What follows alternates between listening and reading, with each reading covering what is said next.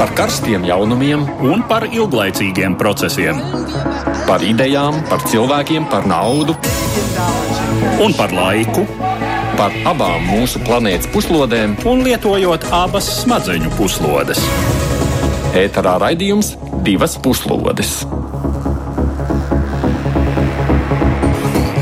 Mēs atkal raidījumā divas puslodes, kad runājam par aktuālo, kas notiek pasaules plašajā arēnā. Studijā esam mēs, Edvards Liniņš un Aits Tomsons, un mēs plašāk pievērsīsimies šādiem tematiem. Maskavā pēdējās nedēļās notiek plašas protesta akcijas, pieprasot atļaut vietējās vēlēšanās piedalīties arī neatkarīgiem kandidātiem, respektīvi neatkarīgiem no valdošās partijas vienotā Krievija. Runāsim par to, cik lielā mērā politiskā, neap, cik, lielā, cik liela ir politiskā neapmierinātība kaimiņu valstī. Tad interesanti notikumi arī šajās dienās ir risinājušies Kirgistānā, kur mēdienīgā spēcoperācijā ir aizturēts bijušais prezidents Almas Beksatambayevs. Varas iestādes apgalvo, ka viņš ir vēlējies veikt valsts apvērsumu un gatavojies asins izliešanai. Un do, dosimies arī neklātienē pāri okeānam, proti uz Argentīnu. Argentīnā notikusi strauja valūtas un akciju kursa krišanās, reaģējot uz priekšvēlēšanām pirms rudenī gaidāmajām valsts prezidenta vēlēšanām. Aptaujas rāda, ka vēlēšanās varētu uzvarēt opozīcijas pārstāvis. Kāpēc gan biznesa videi ir tik ļoti bail no iespējamā nākamā Argentīnas prezidenta? Ar mums šeit kopā studijā šodien ir Latvijas Universitātes asociētais profesors Toms Rostaks. Sveicināti! Labdien. Un arī Rīgas Stradiņu Universitātes Eiropas studiju fakultātes dekāns. Tā šoreiz pieteikšanas. Jā, labi. Paldies. Bet mēs sākam gan ar dažām ziņām īsumā.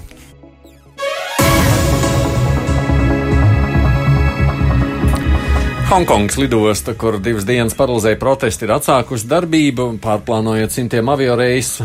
Lidosta ir guvusi tiesas rīkojumu, kas ļauj tai apturēt turpmākos protestus. Tikmēr situācija pašā Hongkongā kļūst ar vien saspringtāka. Pēdējās dienās dažādos medijos izplatītos video ir redzams, kā Šeņģeņas pilsētā, kas atrodas līdzās Hongkongai, atrodas Ķīnas militārā tehnika. Sports stadionā vien varot redzēt gandrīz 500 dažādu militāro transporta līdzekļu Notiekošo regulāri komentēja arī ASV prezidents Donalds Trumps. Mūsu izlūkošana ir informējusi mūs, ka Ķīnas valdība virza spēkus uz robežu ar Hongkongu. Visiem jāpaliek mierīgiem un drošībā, tā viņš raksta Twitterī, piebilstot, ka Ķīnas prezidents var situāciju atrisināt ātri un humāni. Turklāt Trumps pat devis mājienu, ka ir gatavs tikties ar Ķīnas vadītāju, lai piedāvātu savu palīdzību. Šonadēļ nerimst spekulācijas ap kodola negadījumu Krievijā. Pirms nedēļas militāro izmēģinājumu poligonā eksperimentāli dzinēja sprādzienā, atbilstoši mediju ziņām, dzīvību zaudēja 5 vai 7 cilvēki. Drīz pēc negadījuma Krievijas mediji ziņoja, ka ir konstatēta radiācijas līmeņa palielināšanās. Amatpersonas pēc tam nāca klajā ar nepilnīgiem vai arī maldinošiem paziņojumiem par tā nopietnību.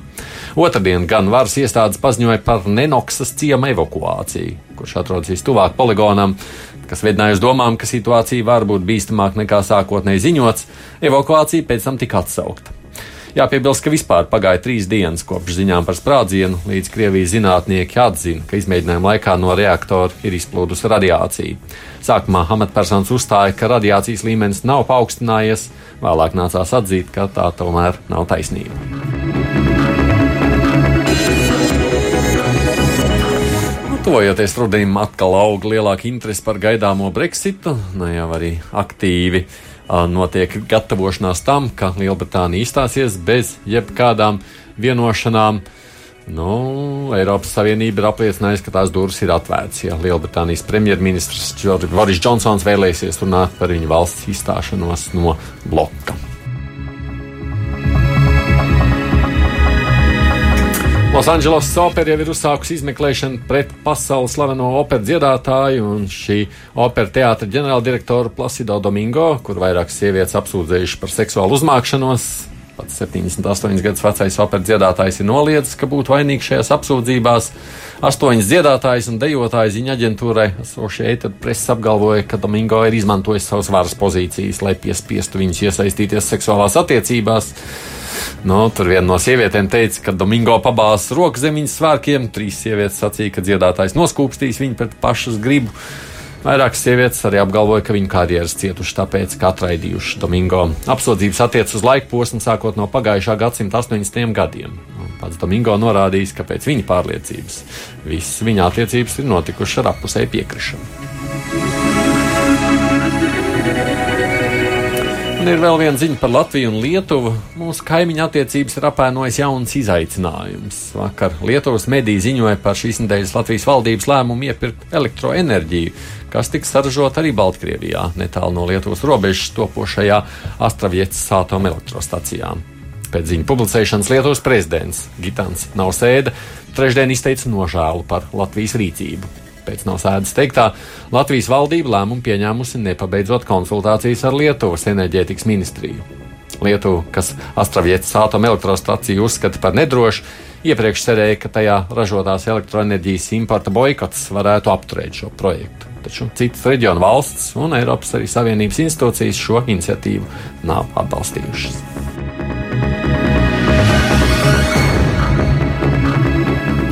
Bet nu pievēršamies sākumā minētajiem tematiem, un mēs sākam ar notikumiem Krievijā.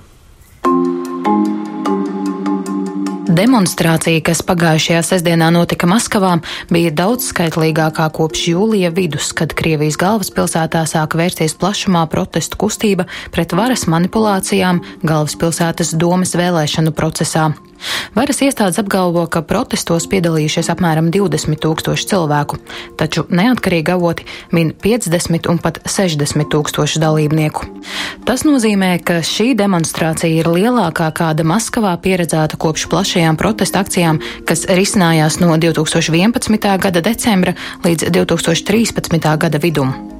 Toreiz akciju dalībnieki Maskavā un arī citās Krievijas pilsētās protestēja vispirms pret Krievijas valsts domas vēlēšanu apšaubāmajiem rezultātiem, vēlāk arī pret Vladimira Putina atgriešanos Krievijas prezidenta amatā. Tagad, kā zināms, protests izraisījusi varas rīcība, liedzot opozīcijas kandidātiem dalību Maskavas pilsētas domas vēlēšanās.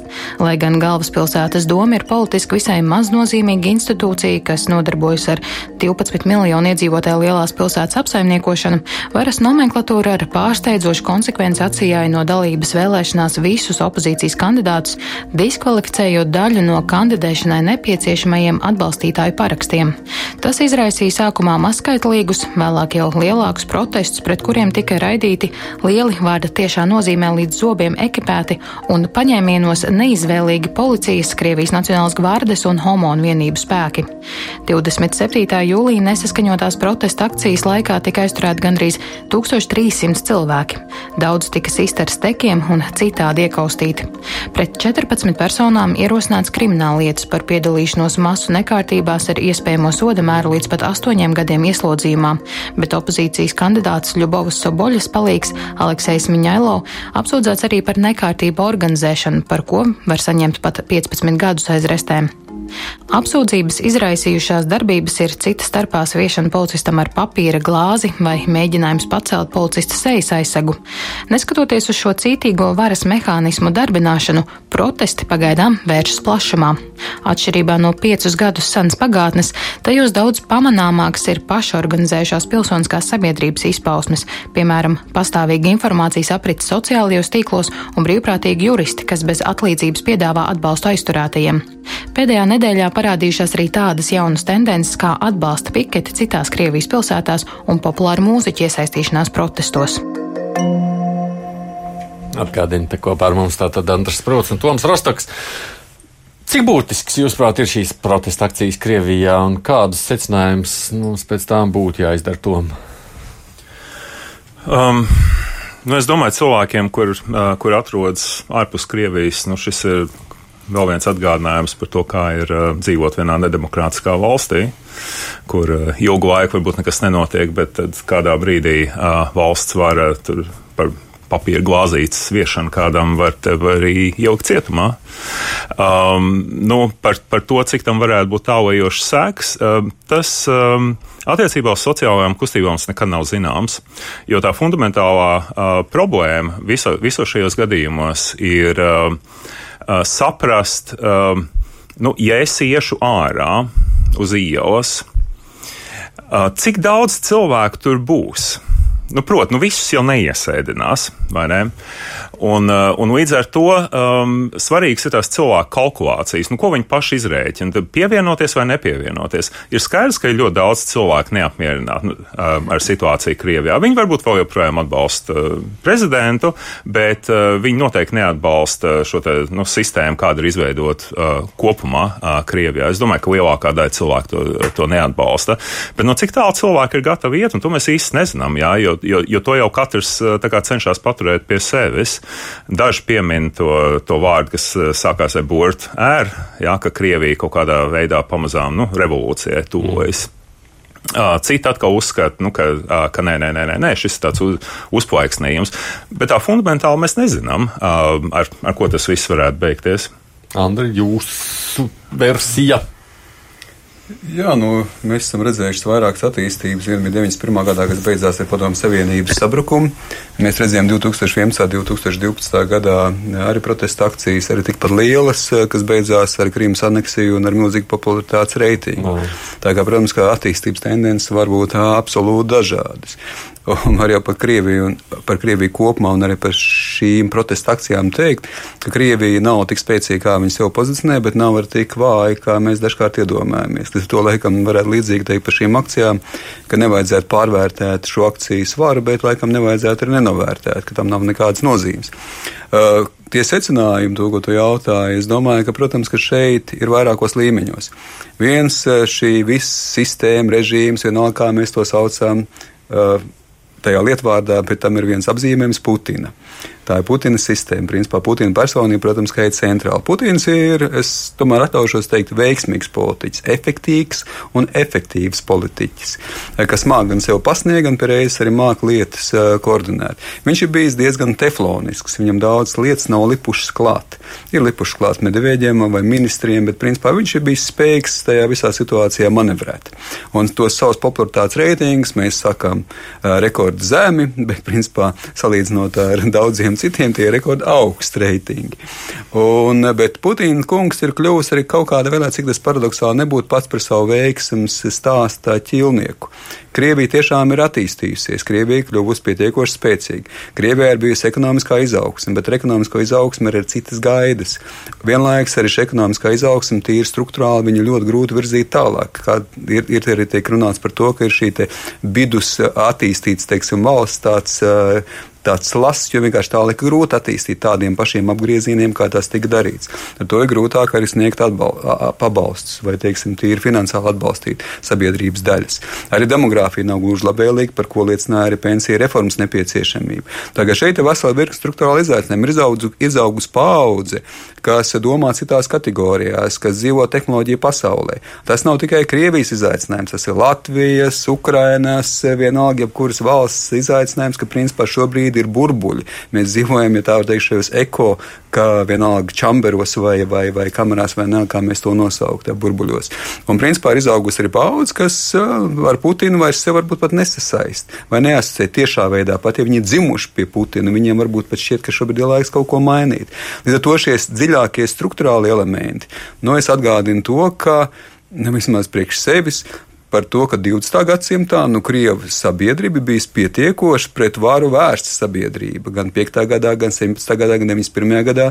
Principā tā nav sabiedrība, kas ir gatava akceptēt stingro roku bezgalīgi. Jā, līdz kaut kādam brīdim, bet tad rodās jautājumi. Un kā arī tiek runāts šobrīd par autoritāriem režīmiem kopumā, efektīvi autoritārie režīmi tiek atbalstīti. Ja autoritārais režīms nav efektīvs un nespēja nodrošināt labklājību sabiedrībai, tad viņam sāk rasties problēmas. Un tajā brīdī, kad mēs saliekam saliekam šīs lietas kopā, kad, zinām, veidā ir jau citi struktūrāli elementi un izaugus paudze, kas vēlās redzēt savādāk, teiksim, savu valstu un sabiedrību, kurā dzīvo.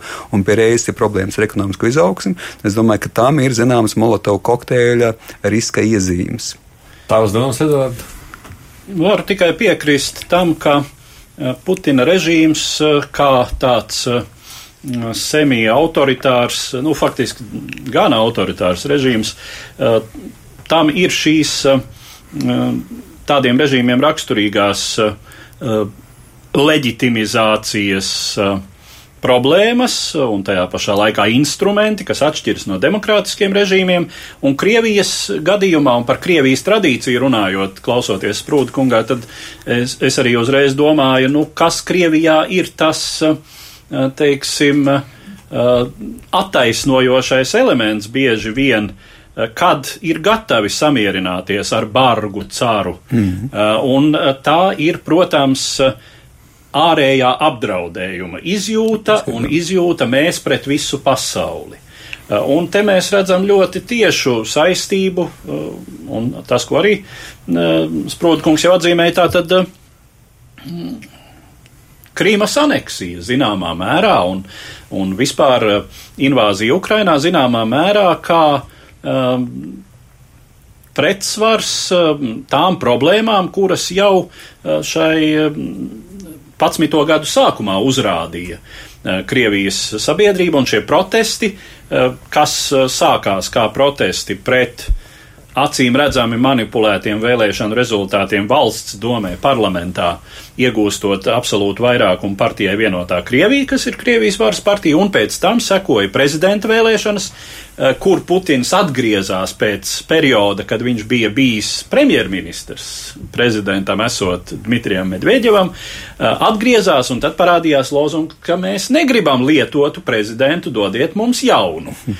Bet, eh, nu, tomēr tas viss tika nokārtots, proti, protesti tika daļēji apspiesti, daļēji apsīka šajā situācijā, un sekoja, lūk, šīs reitingu pelnīšanas cikls ar, ar Krīmas aneksiju, nu, kas, protams, nebija sākotnēji plānots. Tur, protams, bija gana daudz improvizācijas, savukārt reaģējot uz Ukrainas notikumiem. Jā, jā. Bet, bet nu, tā tas bija, un arī jau tajā brīdī, klausoties to, ko runā, nu, atkāstos to, ko runā tā sacīt vidusmēra Krievu cilvēks tad tas noskaņojums bieži vien bija tāds: jā, ekonomiskā politika mums ir draņķīga, jā, sociālā politika kļūst ar vien draņķīgāka, bet tie ir bajāri.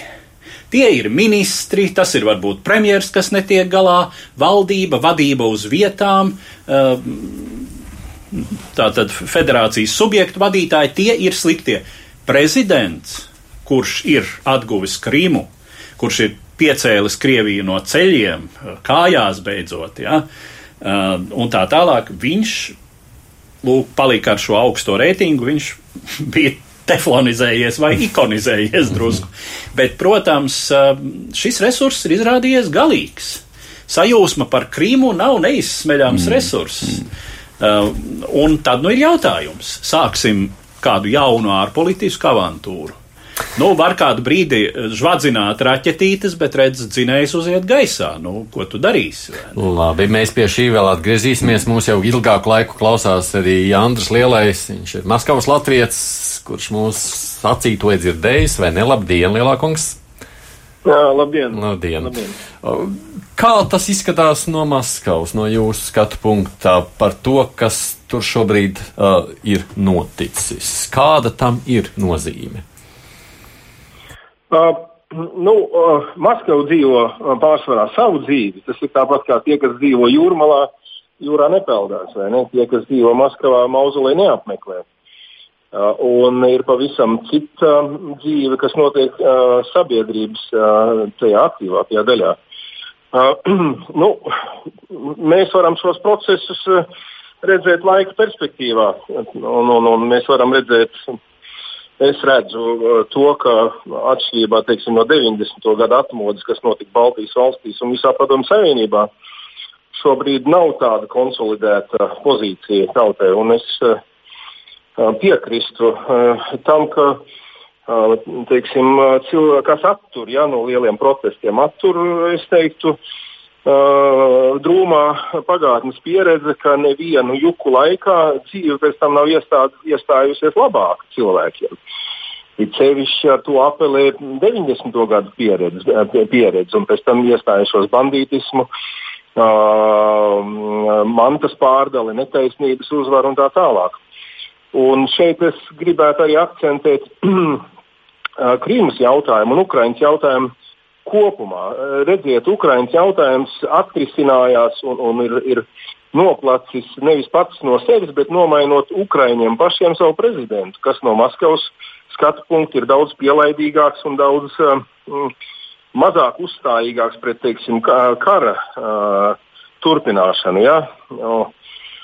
Un, uh, uh, un, un šobrīd, šobrīd tā gatavība ārējai agresijai, kas vērsās pret Ukrajinu, nu, daļai pret Sīriju, uh, propagandas pusē pret Baltijas valstīm, Poliju, šobrīd tiek vērsta mm, uz iekšu.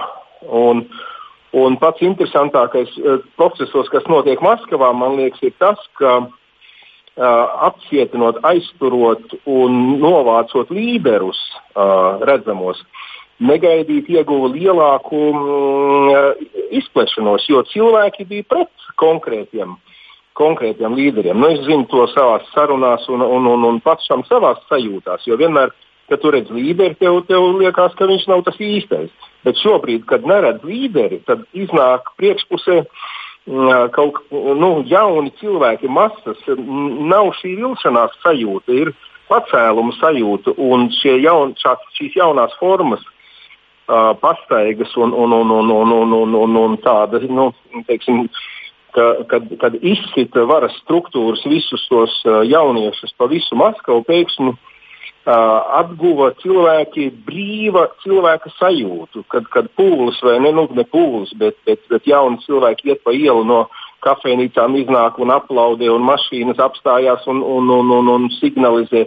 Tas viss tādu pēkšņi vilni rada. Un kas vēl pats interesantākais ir, jūs jau, jau to, to pieminējāt, ka mm, nu, iznāk priekšpusē cilvēki, kas ir auguši pie Putina, kas citus vairs nezina. Un pat tie, ar kuriem es saskaros, teiksim, televīzijas pirmā, otrā un, un, un, un, un, un citu kanālu redaktori, jauni cilvēki, man, man, man pārtraukumā saka, klausies, Andri, nu, bet, bet mēs citu neko nezinām, kas tur bija tajos 90. gados un kā tur bija patiesībā. Bet tu, nu, viņi it kā taisnojas par to, ka viņi ir tajā, tajā varas pusē. Bet sakiet, jūsu domas, kā tas viss turpināsies? Uh, uh, nu, mēs zinām, kā tas turpināsies. Mēs jau redzam, šodien uh, četri cilvēki ir, ir atstāti priekšlaicīgā arestā. Jaunākam 21 gadu vecajam Žukovam draud 8 gadu, 8 gadu cietumsots. Nu, to es to visu teiktu, nu, tā rūdījās tērauds. Nu, nu, nu, tā kaļās jaunā paudze. Es atceros, tāda līga liepiņa bija kādreiz 80. gadu beigās pie brīvības pieminiekļa. Kaut kādā 87. gadā, un viņa bija tāda ļoti radikāla. Viņa teica, nu, to latviešu tautu vajag sist un mērcēt, sist un mērcēt, un tad varbūt pēc kādiem desmit gadiem būs atspēre. Mm. Nu, tā tas ir, ka, ka, ka, ka tagad tiek šobrīd, protams, tiks galvenie iniciatori tiks aizturēti pašiem radikālākajiem vai nu, no, no varas viedokļa. Tiks iedoti sodi, un, un, un šis, šis protests tika noslēgts. Viņš ar, ar 8. septembra vēlēšanām pamazām noklusīs. Nu, kulminācija, protams, būs ap to laiku. Bet uh, noklust nenozīmē aizmirst. Un, kā mēs redzam, pēc, pēc, pēc daudziem, daudziem uh, protesta viļņiem apkārtnē, kas saistīti ar, ar, ar, ar izgāstuvju uh, būvēm, ar, ar neatjautā vietā, teiksim, baznīcas celtniecībām un tā tālāk. Un tā tālāk. Ja protestam izdosies uh, pārņemt visu Krieviju, un viņš, ja viņš aizskars dziļākās, teiksim, jo pagaidām jau tikai tādas konstitucionālas prasības ir nu, a, a, a, saka, nu, izvērstas skaļi. Ja? Pagaidām neviens neiestājās teiksim, par kaut kādām ekonomiskām prasībām, kas būtu. Bet jūs sakāt, nu, ka tas ir nākotnes jautājums. Ja? Jā, protams, tas ir nākotnes jautājums, jo teiksim, nebija. Es domāju, ka šīs dienas atskaņas arī ir tai klusajai pensijas reformai, kas, ka, ko Pūtins garantēja. Viņš teiks, manā, manā varas laikā nekad pensijas vecums netiks aizskats, aiztiks. Nu? Un mēs zinām, ka Krievijā teiksim, ceļš vīriešiem vidējais dzīves līmenis knapi sasniedzās līdz pensijas vecumam. Ja? Nu, tas ir tāds atliktie dziļie protesti. Mm -hmm. Jo ar, ar, ar šo reformu viņš zaudēja tādu uzticību. Nu, viņš ir saglabājis vienīgais, kas viņam ir palicis, ir spēka struktūras. Un faktiski es domāju, ka Putins klusē tāpēc, ka, ka, ka praktiski nu, tas tāds, es neteiktu, vēlējis Brezhneva laiks iestājas, bet tāds vidējais Brezhneva laiks, es atceros tos laikus, kad tas bija acīm redzami, ka viņš tiek izmantots kā lelle vai kā kā, kā, kā, kā teiksim, parādīts. Vai, vai. Jā, es, bet es nevarēšu turpināt lielākums. Es zinu, tā mēs varētu sarunāties vismaz stundu, bet es jums saku paldies par iezīmējumu no Maskavas skatoties uz to, nu. kāda ir tā gaisotne tur. Andris Lielais, kurš ir Maskavas latvietis, piedodiet, ka es jūs norāvu. Man ir vēl ir divi temati, tāpēc es ar šo arī gribu nopaļoties. Tā pavisam īsti tomēr toms sakot, ka šis tērauts rūdās nākotnē. Nu, protams, tāda iespēja uh, pastāv, bet, uh, bet um, visās diskusijās par Krieviju tur ļoti, ļoti daudz atsaucās uz vēsturi, bet no vēstures mēs varam iegūt ļoti, ļoti dažādas mācības. Un, piemēram, divas, kuras es gribētu piedāvāt, ir saistībā ar uh, varas eliti uh, Padomju Savienības beigu gados, kura faktiski jau sāk uzskatīt, nu, ka sistēma viņus ierobežo. Bet pašreizējā sistēma pašreizējo eliti īsti neierobežo tu vari būt augstu Krievijā, tu vari sūtīt savus bērnus uh, ārzemēs, un tev var būt viola kaut kur uh, Nicā. Es biju sistēmu neierobežot. Cilvēkiem patiešām nu, varētu būt liela interese to sistēmu kaut kā saglabāt. Un otrā lieta, es domāju, ka spēku struktūrām nu, šis ir zelta brīdis. Viņi var paskatīties atpakaļ uz 90. gadiem. Tad notika liels pārmaiņas, un kas notika spēku struktūrām. Es domāju, ka viņiem arī ir liela, nu, liela interese cīnīties par to, lai pašreizējā sistēma um, saglabātos. Es šo viedokļu dažādību pie šejienes arī saglabāju. Tev būs iespēja, Andra, tūlītās par Kazahstānu, Kirgistānu turpināt, jo mēs turpinām ar nākamo tematu. Kirgistāna piesaistīja pasaules mediju uzmanību pagājušajā nedēļā, kad valsts drošības spēki ieradās arestēt bijušo prezidentu Almazbeku Atambajevu viņa rezidencē Koitašas ciemā galvaspilsētas Biškekas pievārtē. Drošībnieku vienību sagaidīja eksprezidenta atbalstītāju pūls un bruņota apsardze. Izcēlās apšaude, kurā dzīvību zaudēja viens drošības spēku pārstāvis un 36 cilvēki, tā skaitā 15 varas pārstāvi, tika ievainoti. Aizturēšana tobrīd nenotika, un tikai nākamajā dienā, kad Koitašā tika atslēgta elektrība un sakari, eksprezidents Atambājevs padavās varas pārstāvjiem. Viņš ir pirmais neatkarīgās Kirgistānas prezidents, kurš gan stājās amatā, gan to pameta demokrātisku vēlēšanu rezultātā. Kopš neatkarības iegūšanas 1991. gadā Kirgistāna, līdzīgi kā citas bijušās padomu Vidusāzijas republikas, veidojās par autoritāru režīmu, taču valsts līderis Askars Akājevs tika gāzts tā saucamajā tulpju revolūcijā revolūcijā 2005. gadā. Viņa varas mantinieks Kurmanbeks Bakijevs sabija amatā līdz 2010. gadam, kad pēc nepārprotam manipulētām vēlēšanām zaudēja varu vēl vienā revolūcijā 2010. gada aprīlī. Sekoja vairāk nekā gadu ilgs nestabilitātes un iekšēju sadursmu periods, pēc kura uzvarēs 2011. gada vēlēšanās prezidenta krēslu ieguva Almasbeks Atambājevs. Tā kā pēc pēdējās revolūcijas izmainītā konstitūcija paredz prezidentam tikai vienu sešus gadus ilgu varas termiņu, 2017. gada vēlēšanās Atambājevs nepiedalījās, nododot varu sekotājam, savam partijas biedram, līdz tam premjerministram Sorumbajam Žembekovam.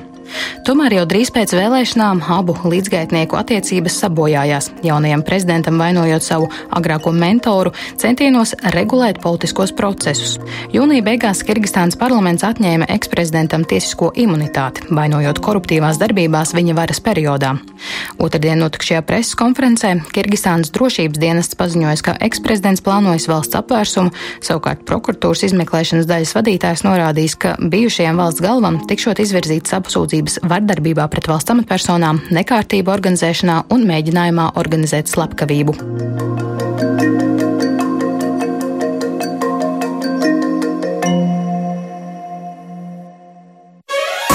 Divas puslodes. Atgādījums studijā kopā ar mums ir ārpolitikas institūta direktors Rīgas Traģiņu universitātes profesors Andris Prūts un arī Latvijas universitātes asociētais profesors Toms Rastaks, protams, arī mēs ar Eduardu Liniņu. Kas tad īsti Kirgistānā ir noticis, Andri?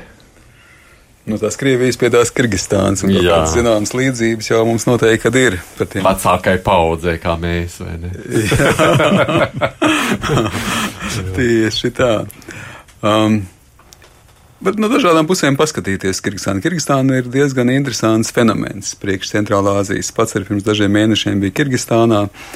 Kirgistāna ir no vienas puses visprokrieviskākā Centrālā Azijas valsts, bet tajā pašā laikā visdemokrātiskākā. Un te ir tie paradoks, ka dažkārt mēs sakām, ka Krievijai parasti ir viņas sabiedrotie ir nedemokrātisks valsts. Centrālā Azijas gadījumā ir apgriezts otrādi. Mm. Kirgistāna ir faktiski visdemokrātiskākā. Par to kaut kā liecina viens fakts. Ja mēs šobrīd runājam par Džēnu Bekovu kā par piekto prezidentā, pārējās četrās republikās vai valstīs ir viens vai divi. Uh, šeit faktiski regulāri notikusi prezidenta nomaiņa. Uh, no, līdz ar to no vienas puses, ja mēs skatāmies no mūsu puses, no Latvijas perspektīvas, tad tiešām šeit ir klānu un demokrātijas un varas noturēšanas nespējas kombinācija. Ja mēs skatāmies no Centrālā Azijas citu valstu puses, tad viņi saka, ka Kirgistāna, protams, ka ir vishaotiskākā valsts, kas principā nav spējīga izveidot prezidentālas, izturīgu, spēcīgu sistēmu, kurā, kā saka, prezidents uzņemās atbildību un nodrošina visiem visiem eh, svētlaimu un labklājību. Uh, Kirgistāna tāpēc ir interesants tajā ziņā fenomens, kurā teiksim, šī te šūmēšanās notiek, un tā tradīcija ir tāda, ka faktiski varai nekad nav pietiekoši spēks, lai noturētu vārdu, teiksim, vienpersonisku un uzturētu to ilgstoši. Uh, salīdzinoši ilgstošāk bija Kājau kungs, kurš mēģināja izveidot Kirgistānu par Centrālā Azijas Šveici, gan, gan turismu piesaistes ziņā, gan ekonomikas attīstības ziņā, gan Kirgistāna bija pirmā Centrālā Azijas valsts, kas bija Pasaules tirdzniecības organizācija vienlaikus ar Latviju 90. gadu beigās. Tā kā principā Kirgistānai ļoti daudz interesantas tendences, kas, kas notiek. Atambājev kunga gadījumā ir tas, ka faktiski aizejot no amata, viņam bija problēmas ar to, ka viņš tiešām gribēja turpināt to savu varu, viņam bija grūti atteikties. Viņš mēģināja ielikt pirmām kārtām prezidentu, kas ir viņam lojāls, un otrām kārtām joprojām uzturēt, kā saka, savu ieteikumu gan caur mēdījiem, gan caur politisko partiju. Beigās tas, kā saka, atšāva pretī, jo tomēr Centrālā Azijā ir demokrātijai kaut kādas klātsamības iespējas, bet ir zināmi limiti. ka, ja prezidents ir nācis, ir skaidrs, ka šobrīd viņš veido savu vertikālu, pat ja visticamāk, tomēr pēc tiem sešiem gadiem. Un jāatcerās, ka Kirgistānā prezidenta termiņš ir tikai uz vienu, uz vienu Tas termiņu. Tas diezgan ierasts. Kas ne? ir diezgan neierasts. Principā šobrīd pie tā ir pieturējušies. Tā kā Kirgistāna mm. ir interesants fenomens, ko pavērot, kas kaut kādā veidā varbūt pat ir Centrālā Azijas svešķermenis. Uh, Tom, ko tu saki, kā kā tas tā sanāk, ka mums ir viena valsts visā tajā nu, valstu saimē, kurā nav prezidents uz mūžu. Nu, neksim, vienmēr pierast, tur visi viņi ir uz mūžu. Um, es, es domāju, ka tas uh, uzskatām demonstrē to, cik uh, institūcijas ir svarīgas institu, institucionālā iekārta. Jo mēs tā ļoti bieži daudz ko norakstam uz politisko kultūru. Nu, cilvēki, nu, kā jums Latvijā pierast, nu, cilvēkiem tāda mentalitāte, nu, viņi tā domā. Un šeit ir uh, viens institucionāls būtisks punkts, un seši gadi, un viss. Un uh, cik lielā mērā tas ietekmē visu, kas notiek tālāk. Un tas, kas notiek tālāk, ir divas lietas. Uh, pirmā lieta ir tāda, nu, ka cilvēki pēc tiem sešiem gadiem kaut ko izveido, un viņi pēc tam mēģina noturēt Jā. to. Viņi skatās arī apkārt uz citām Centrālāzijas valstīm. Uh, bet tajā pat laikā, nu, tu vairs neesi prezidents un attiecīgi nāk nākamais, un tur ir neizbēgams konflikts. Un faktiski tā ir bijis eh, vairākos gadījumos arī bijušais un pašreizējais uh, Kirgistāns prezidents ir, uh, nu, bijušais ir centies ielikt savu lojālu cilvēku, un, uh, un tas beidzas ar, uh, nu, tā kā, nu, Rembo cienīgu uh, scenāriju. Jā.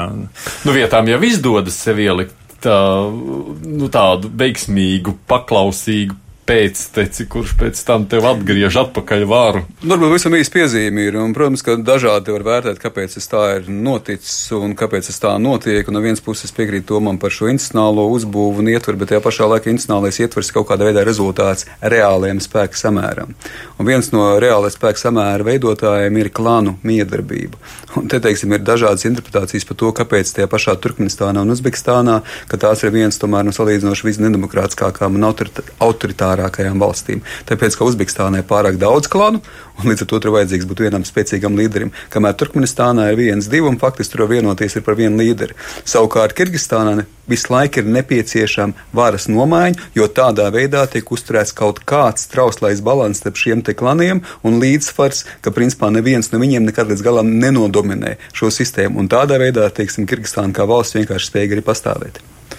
Nu jā, un Kirgistānā ir arī salīdzinoši gan ar Turkmenistānu, gan šķiet arī Uzbekistānu salīdzinoši etniskais sastāvs ir raibāks, tur, ir, tur dzīvo daudz uzbeku, un arī tie starpetniskie konflikti un rīvēšanās ir viens no tāds nestabilitātes, no vienas puses nestabilitātes elements, no otras puses parasti tur, kur ir kādas vairākas etniskās grupas, tas arī, uh, nu, ja, ja teiksim, uh, neizdodas vienai grupai pārņemt to, to varu un tad pārējās visas, kā saka, nolikt pie vietas, ja, tad, tad nu, tādu mm, tādu trauslu demokrātiju tas drīzāk veicina. Mm -hmm. Bet, nu, gana trauslu. Ja? Uh, nu, tas, tas piemērs, kas man nāk prātā, ir, teiksim, uh, starp abiem pasaules kariem, nu, kāpēc Čehoslovākija nekļuva par autoritāru valsti, tāpēc, ka tur bija daudzas, salīdzinoši daudzas etniskas grupas, starp kurām vajadzēja atrast līdzsvaru, un tam tomēr demokrātija lai cik var būt eh, nepilnīga, ir piemērotāka.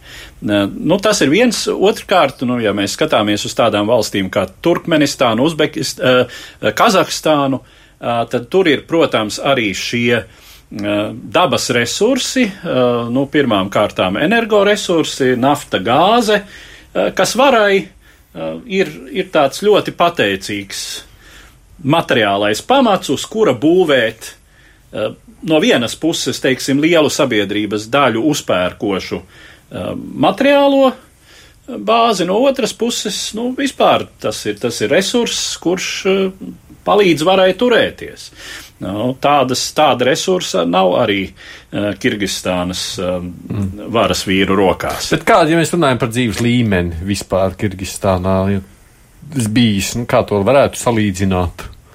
Nu, es domāju, ka visaugstākais dzīves līmenis, protams, ka Centrālā Azijā ir Kazahstānā. Uh, attīst, asti, attīstīt, arī, attīstīt valsts visādā ziņā, visādā ziņā, nu, salīdzinoši attīstīt valsts visādā ziņā, gan resursu ziņā, gan institucionālā ziņā, gan, teiksim, arī tīri ar eksportu un miedarbības citām valstīm. Nu, Kirgistāna ļoti atkarīga no e, ķīniešiem.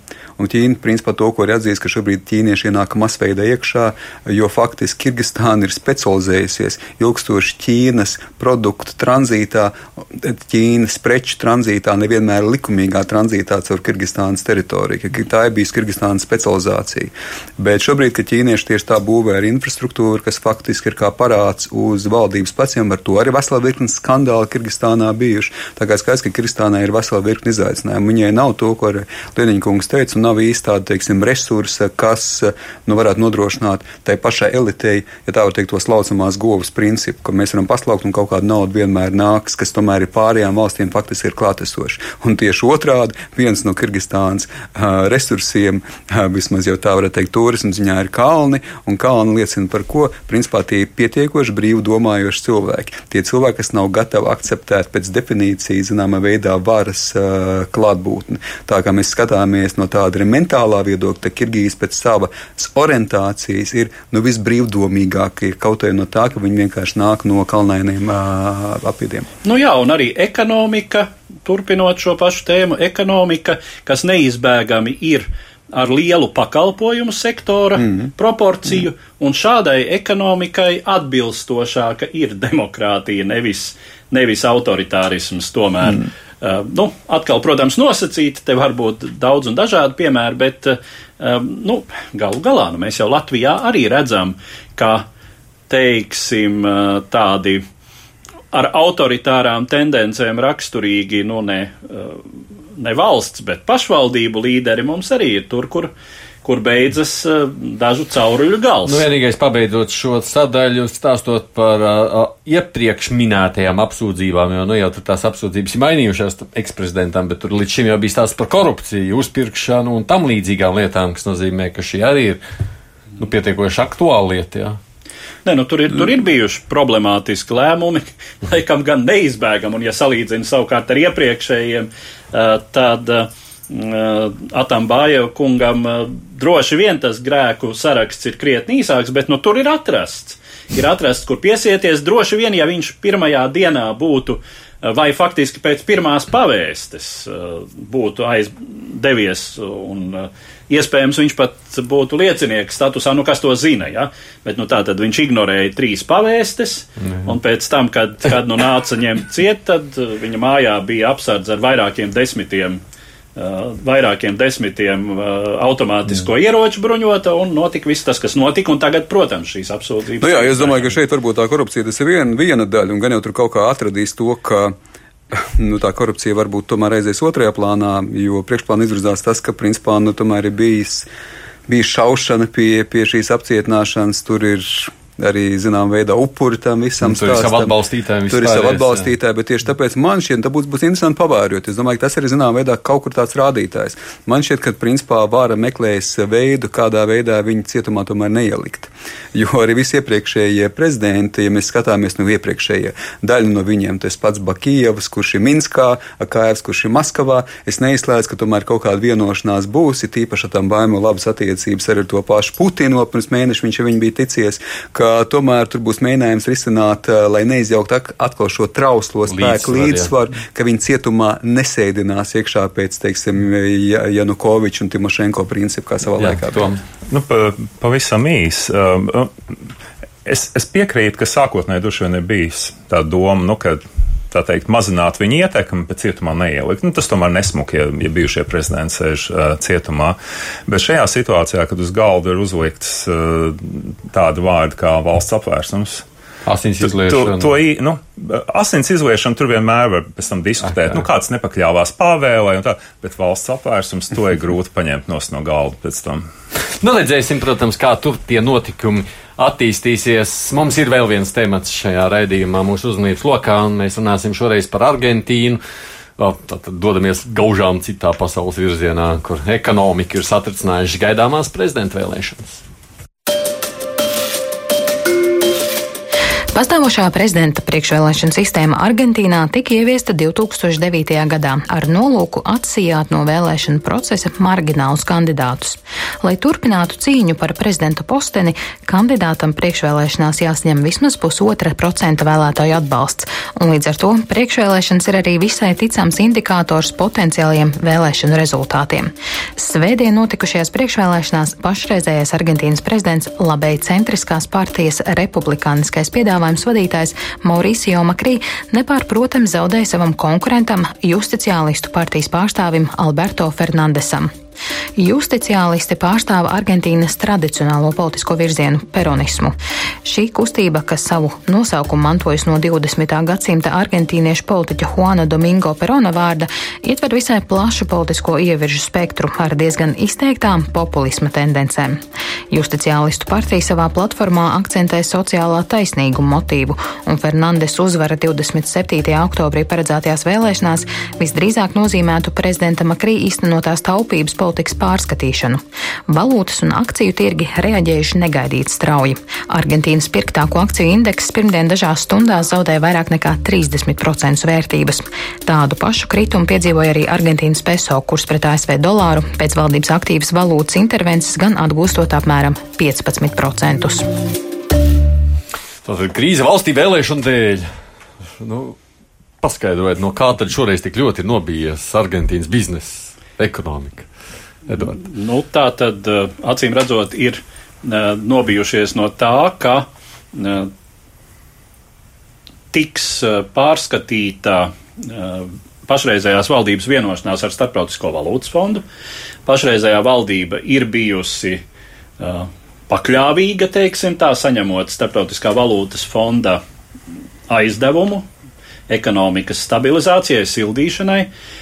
Un, nu, teiksim, salīdzinoši veiksmīgi uh, ir turpinājusi arī iesākto uh, pēc uh, smagas krīzes, kas bija Argentīnā aizpagājušajā desmitgadē.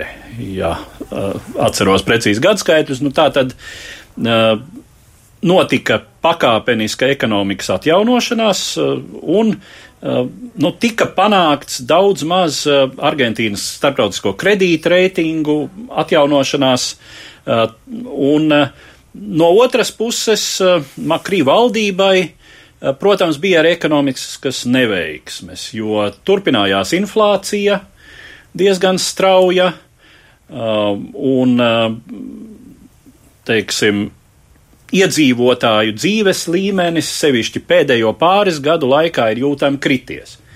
Kāpēc arī šī politika, nu, kas ir, teiksim, Latvijas gadījumam diezgan zināma un saprotama? Ja, pēc smagas um, finanšu krīzes mēģināt atgūt stabilitāti ar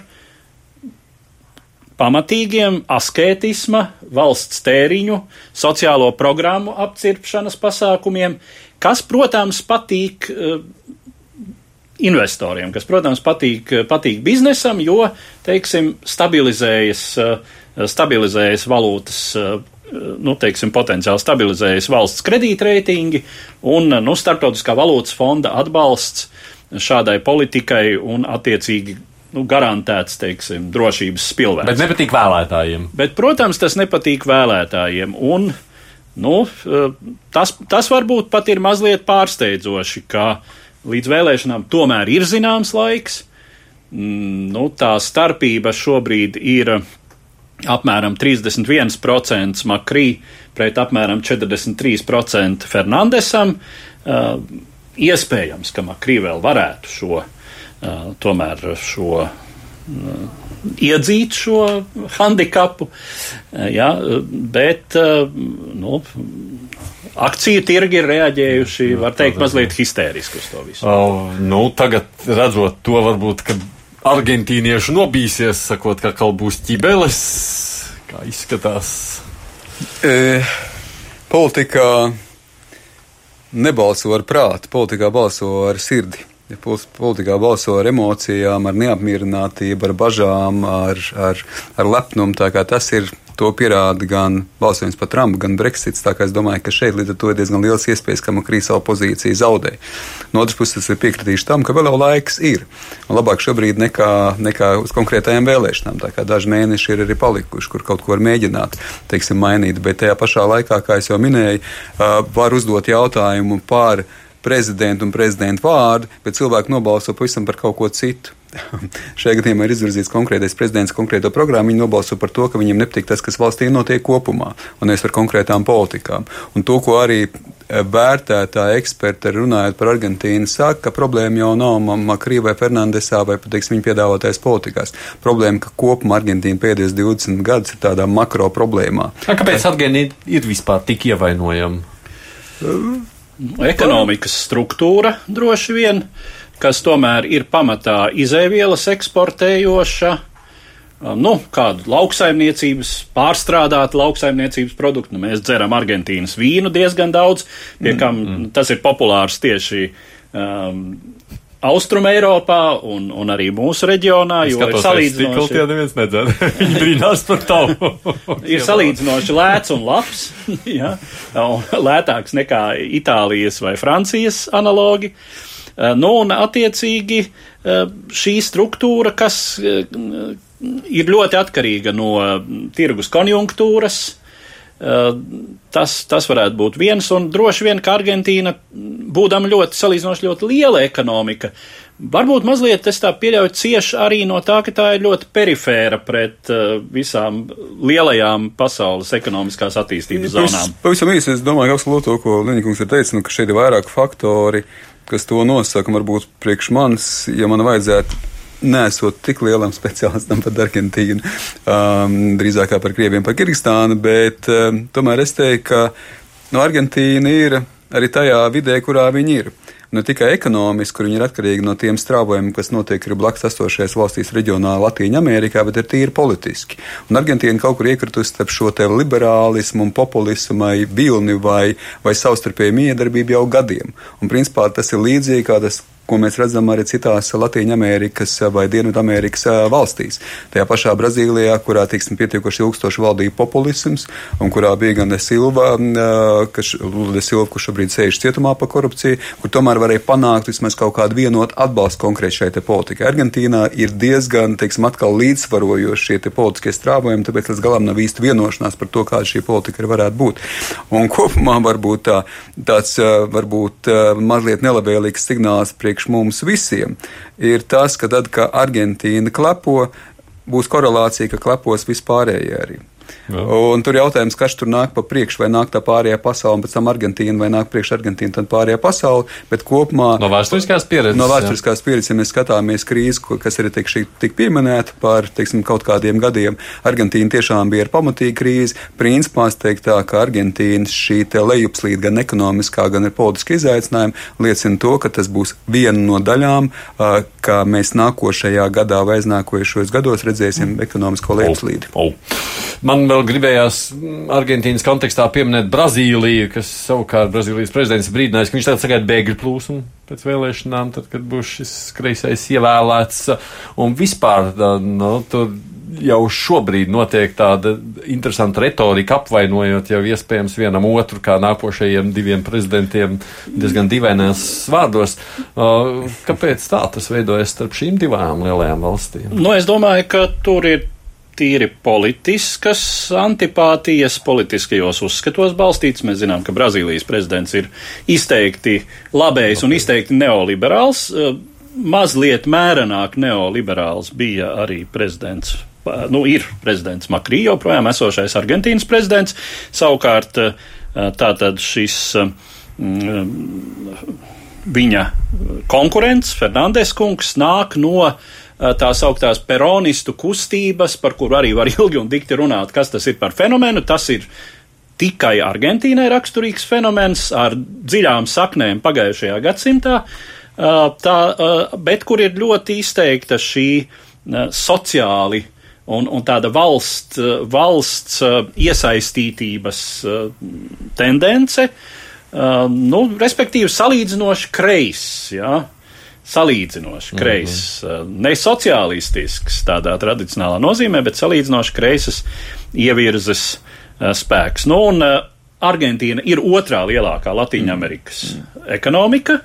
Otrā lielākā valsts Latvijā-Amerikā, ne, otra, liela, otra lielākā Dienvidamerikā. Dienvidamerikā. Jā, jā. Latvijā-Amerikā. Latvijā-Amerikā otra lielākā ir Meksika. Jā. Tā tad, un, protams, ka Brazīlijas prezidents skatās uz to, kas notiek, nu, var teikt, eh, savā reģionā. Eh, un sevišķi tā. Tagad šeit noteikti ir gan ideoloģiskās, teiksim, tā zinām, pretmetu un pret, pretnostatījumi, gan arī kurš ir lielāks draugs ar Amerikas Savienotajām valstīm, jā. gan arī tīri, gan arī jā, lai gan nu bēgļu plūsma, bēgļu plūsma. Par Dienvidameriku mēs vēl runāsim, es jūtu nākošajos mēnešos. Es jums saku paldies, Andrs Prūts no Rostakums, Stradņu universitātes, Latvijas universitātes, Toms Rosteks, protams, arī Edvards Liniņš un es aicu Tamsons producents. Mums ir jau Zeizes, saku paldies visiem, tiksimies atkal nākamajā nedēļā divas puslodes.